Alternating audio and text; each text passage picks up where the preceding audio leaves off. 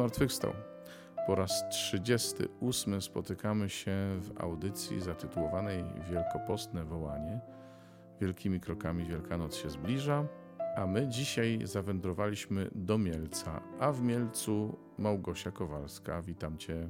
Witam serdecznie, prawdziwie zmartwychwstał razem z nim. O właśnie.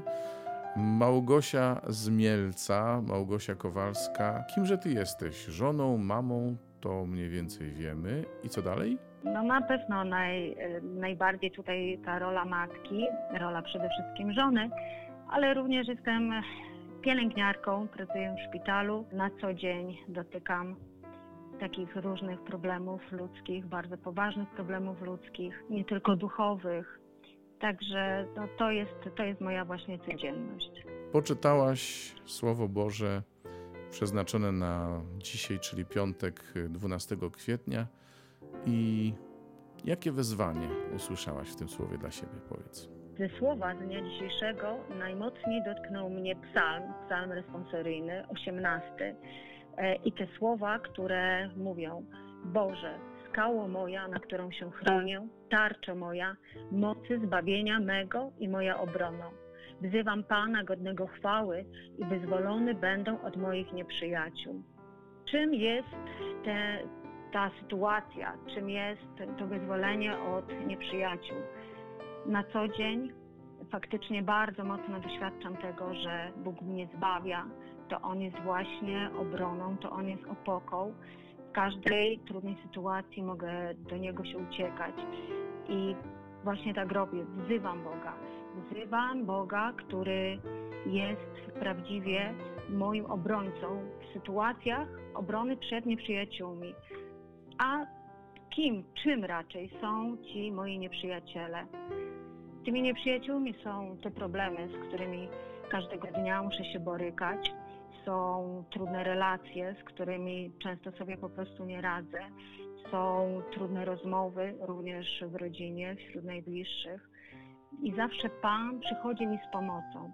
Zawsze Pan, wtedy kiedy go wezwę, przychodzi e, i On wraz z Duchem Świętym sprawiają, że ja jestem w stanie stawić czoła tym różnym trudnościom każdego mojego dnia. Pan, który wybawił mnie, który wyciągnął mnie do zagłady wtedy, kiedy 25 lat temu usłyszałam, że Bóg mnie kocha. On ciągle, każdego dnia jest właśnie obecny i bardzo mocno doświadczam tego, że to, że to On jest tą opoką. Na tej opoce mogłam zbudować mój dom, mogłam zbudować mój dom modlitwy, mogłam budować moją rodzinę, moje małżeństwo i w każdej trudności wiem, że to On jest właśnie tą ostoją, że On jest tarczą, która zawsze w każdej trudnej sytuacji, wtedy gdy się pojawia grzech, gdy się pojawia jakaś sytuacja, która zagraża mojej rodzinie, zagraża naszej bliskości, naszej miłości, naszej relacji, to Bóg staje właśnie w obronie w obronie mojej relacji z moim mężem, z moimi dziećmi. On jest właśnie tą obroną każdej sytuacji, gdy zaczynamy troszeczkę się gubić, gdy zaczynamy może iść w kierunku nie woli Bożej, nie drogą Jezusa, tylko drogą własną, drogą, która niekoniecznie jest właśnie drogą zbawienia. Mhm. To słowo zawsze mocno mnie dotyka. A powiedz, y, Gdybyś miała powiedzieć, o jaką odpowiedź może Bogu chodzić dzisiaj z Twojej strony, do czego Cię wzywa, co konkretnie miałabyś zrobić w odpowiedzi na to słowo, które dzisiaj usłyszałaś?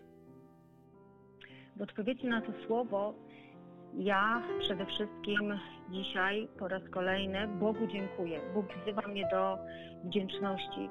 Ja każdego dnia, e, nawet w sytuacjach, kiedy trudno jest dziękować ja staram się pomimo wszystko właśnie tą wdzięczność w sobie mieć i z tą wdzięcznością pamiętać zawsze o sytuacjach, kiedy Bóg ewidentnie działał.